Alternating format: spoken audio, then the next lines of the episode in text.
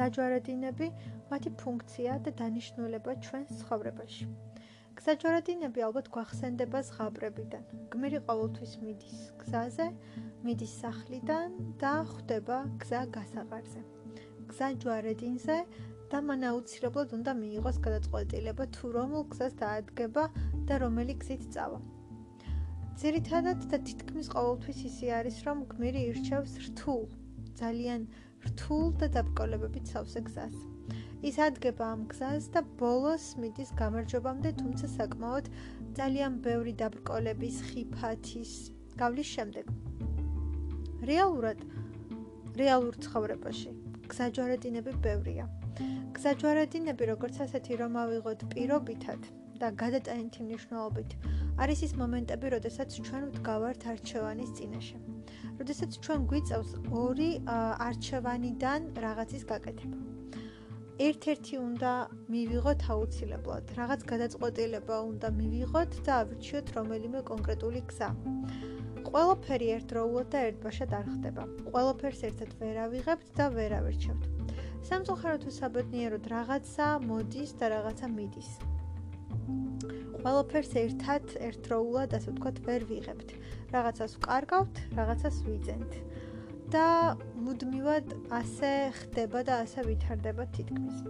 და ეს მომენტები, როდესაც ჩვენ გვიწევს, რომ რაღაცებს შორის რაღაცა ავარჩიოთ, ეს არის ის გზაჯვარედინები, გზას გასაყარები, რომლებზეც ჩვენ ვიღებთ გადაწყვეტილებას.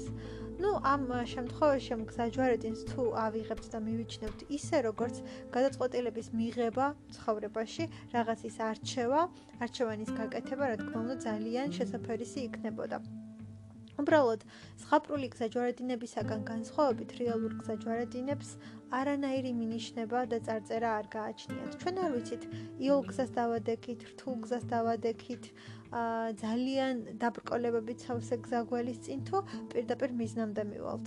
ეს არასოდეს ვიცით. რეალურ ცხოვრებაში გზაჯვარედინებს წარწერები არ გააჩნიათ.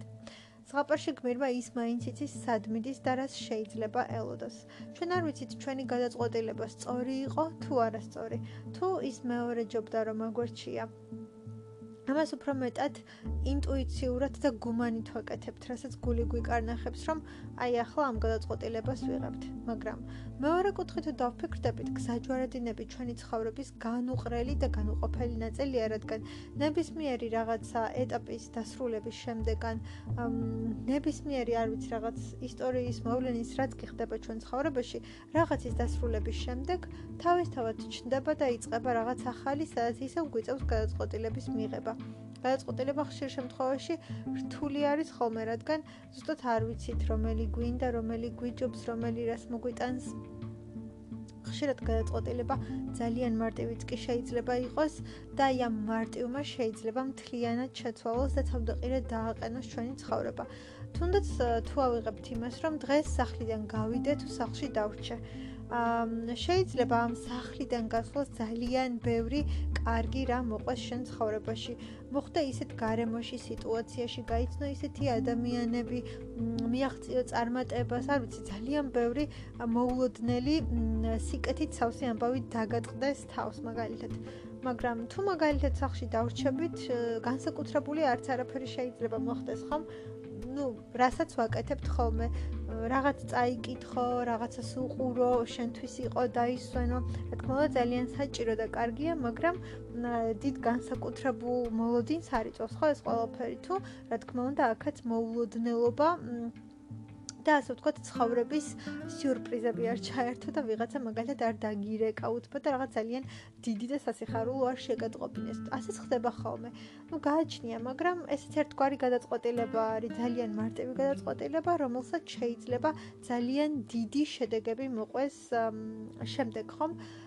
და ის ფაქტი ამ გზაჯვარედინზე დგომისას, რა გადაწყვეტილებას მივიღებთ ჩვენ თავად, რომელს ავირჩევთ, ძალიან ბევრს ამბობს.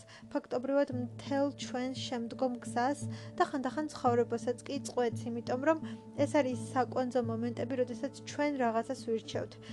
ჩვენ ვარჩევთ, რომ აი ამ გზით წავიდეთ და არა ამ გზით. თუმცა ვერასოდეს გავიგებთ იმას, მეორე გზით რომ წავსულიყავით და ის მეორე გზა რომ აგვერჩია, რა მოხდებოდა, რას შევხვდებოდით, რა გადაგხვდებოდა, რა იქნებოდა ჩვენ ცხოვრებაში, ან როგორ შეიცვლებოდა?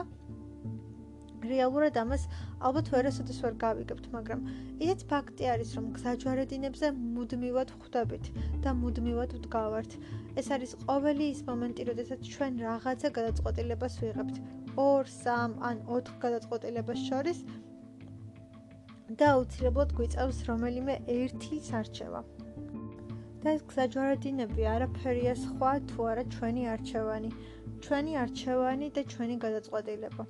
ყოველი გადაწყვეტილება, რომელსაც ვიღებთ და ჩვენ ვდგავართ საკონძო მომენტებში რაღაც გზაჯვარედინთან, რომელზეც უნდა რომელსაც უნდა მივიღოთ გადაწყვეტილება ეს გვინდა თუ ეს ასე ვაგრძელებთ ცხოვრებას თუ ასე ვაგრძელებთ. ამ გზით წავალთ თუ იმ გზით წავალთ და ეს არის ის მომენტი რომელიც შემდეგ მთელ ჩვენ ცხოვრებას და ჩვენ მთელ სამომავლო გზას განსაზღვრავს და განაპირობებს.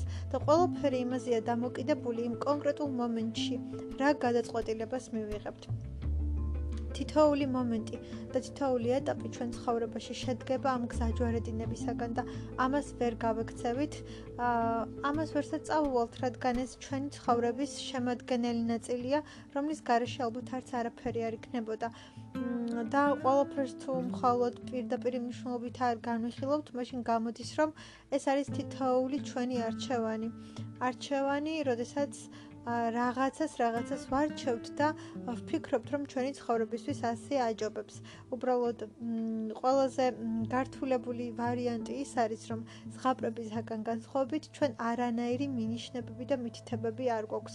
ჩვენ არ ვიცით რას მოგვიტანს ეს გზა. ჩვენთვის სასიკეთო იქნება თუ არ იქნება, რომელი გზით ჯობს რომ წავიდეთ. და ის ფაქტი თუ რომელ გადაწყვეტილებას მივიღებთ შეიძლება ხშირ შემთხვევაში თავდაყირა დააყენოს ყველაფერი თავდაყირა დააყენოს მთელი ჩვენი ცხოვრება. სასიკეთოთ ან პირიქით.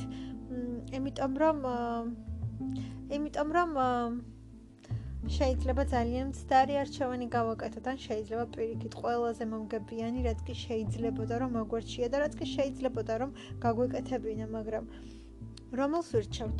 რომელს ავირჩევთ? ეს მხოლოდ ჩვენზეა დამოკიდებული და ეს მხოლოდ ჩვენ შეგვიძლია რომ განსაზღვროთ და მივიღოთ ეს გადაწყვეტილება, რომ აი ახლა მე ამ გზით მინდა რომ წავიდე, ან იმ გზით მინდა რომ წავიდე.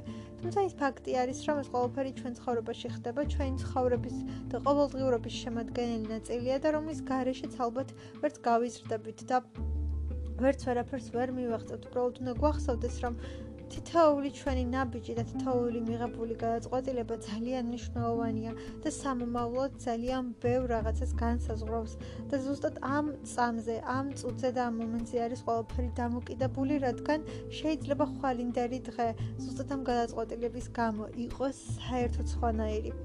და ყოველთვის უნდა ვიფიქროთ იმაზე, რომ ჩვენი გადაწყვეტილებები ძალიან ძალიან მნიშვნელოვანია და ხშირ შემთხვევაში ის არ გვეხება მხოლოდ ჩვენ, არამედ ჩვენთვის ძალიან ძვირფას და საყვარელ ადამიანებს და მათთვისაც შეიძლება აღმოჩნდეს გარკვეული შედეგების მომტანი და არა მხოლოდ ჩვენთვის.